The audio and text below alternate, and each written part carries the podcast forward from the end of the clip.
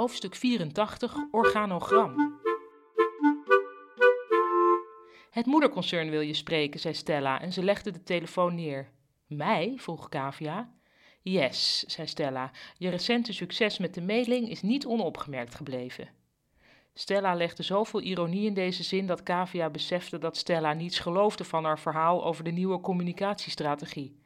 Misschien krijg je wel een bonus, riep Kim, altijd in staat de ander het geluk te gunnen. Dat denk ik niet, zei Ruud zuur, want dat zou dan toch langs mij moeten zijn gegaan. Kavia belde het moederconcern terug, kreeg een eng professionele secretaresse aan de telefoon en al snel was een afspraak gemaakt met de grote baas. Of met één van de grote bazen, dat wist Kavia niet precies. Is er eigenlijk een organogram van de hele organisatie? vroeg ze later die dag aan Stella. Een organogram is iets van de vorige eeuw, zoals je misschien weet, zei Stella, want dat soort vaste structuren passen niet meer bij een bedrijf dat zichzelf als wendbaar en flexibel ziet.